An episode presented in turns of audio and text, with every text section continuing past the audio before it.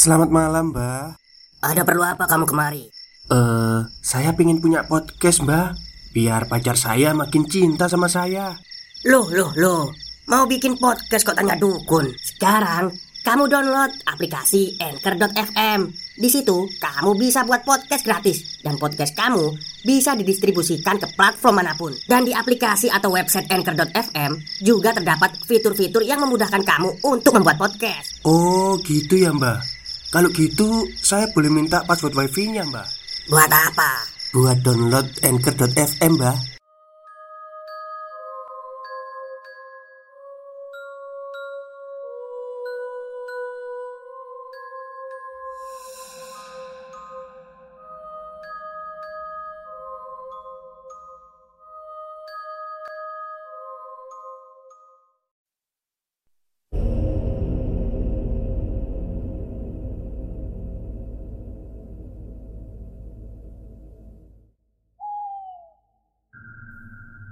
Assalamualaikum warahmatullahi wabarakatuh. Halo semuanya Jumpa lagi dengan saya Chow Sing Sing Kurator dari podcast Horror Night Story.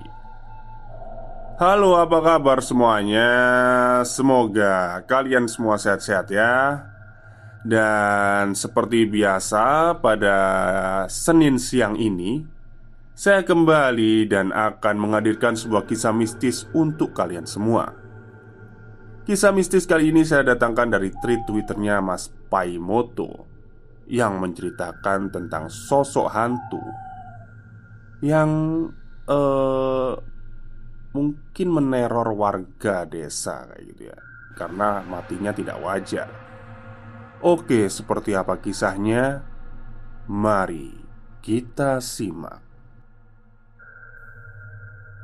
Cerita ini dialami oleh nenekku. Kejadiannya pada saat itu, saat nenek masih aktif bekerja, memanggang kemplang khas daerah kami. Nek Ndut, itulah panggilanku untuk nenek. Nenek memiliki lima orang anak. Ibuku adalah anak tertua. Sudah menikah dan tinggal di luar kota Anak kedua Om Ujang. Ketiga Om Anto Keempat Om Agus dan si bungsu Tante Meli. Nenek, kakek, dan keempat anaknya Tinggal di kontrakan atau bedeng Yang berdekatan dengan rel kereta api.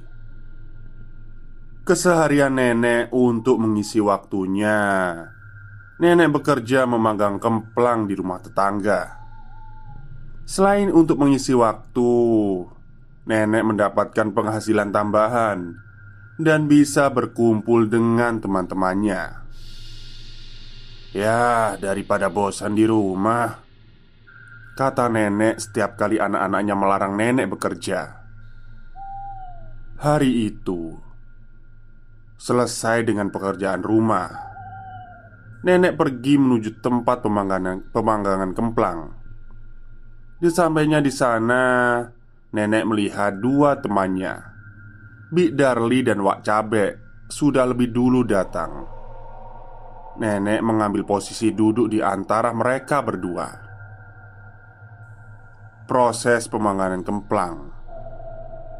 Nenek segera mengambil sebuah stik dari pipa bekas antena yang ujungnya ada dua kawat kecil untuk menjepit kemplang mentah.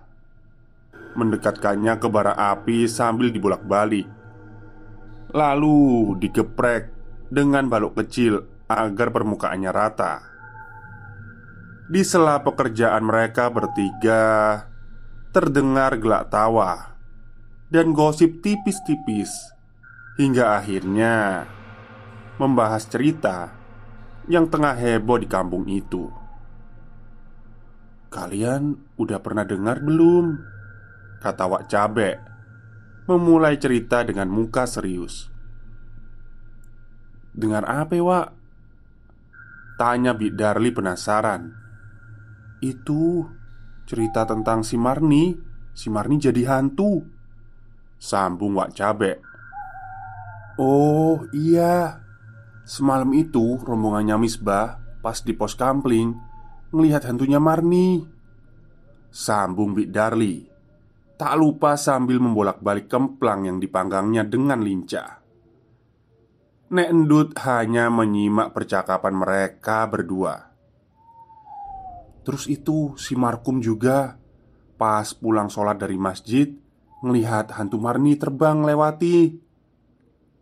Wak Cabe menimpali dengan semangat Marni mana sih Bek? Nek Ndut akhirnya membuka suara Bertanya pada Wak Cabe Itu Yang tinggal di kontrakan Pak Musli Yang baru ngelahirin.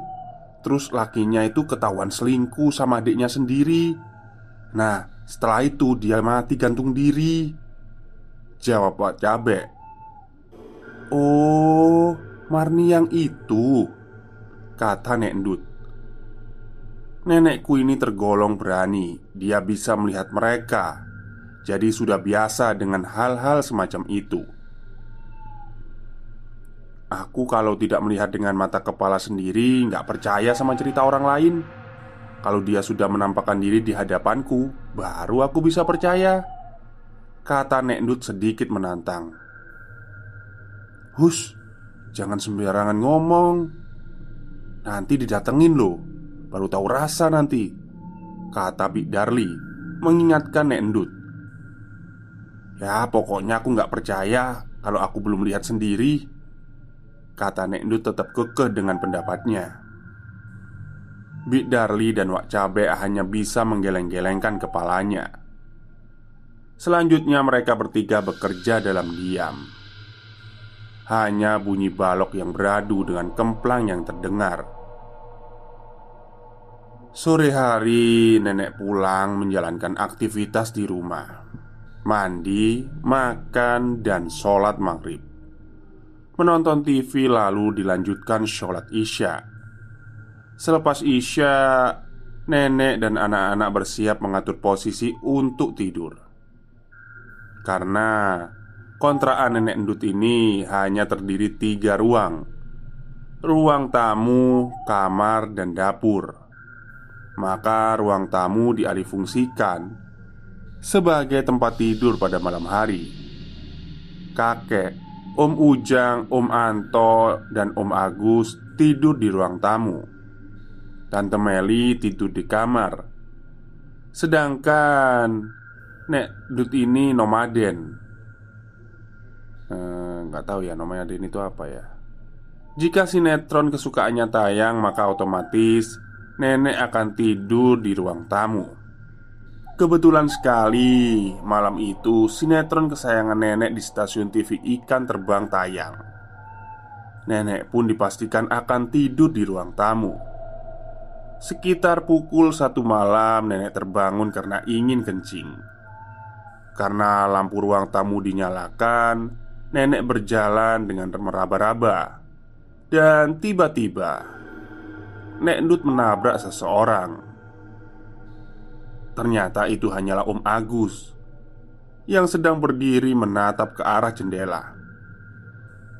Kenapa Gus? Tanya Nek Endut Om Agus hanya diam Tapi dia menunjuk ke arah jendela. Ada apa? Tanya Nek Ndut kepada Om Agus. Tapi yang ditanya hanya diam seperti patung Nek Ndut berjalan menuju jendela Membuka gorden Sehingga cahaya dari lampu teras Menelusup melalui celah kaca menerangi ruang tamu Di depan jendela Ada seseorang berdiri Seperti seorang wanita terlihat dari rambutnya yang panjang. Siapa yang datang bertamu malam-malam begini?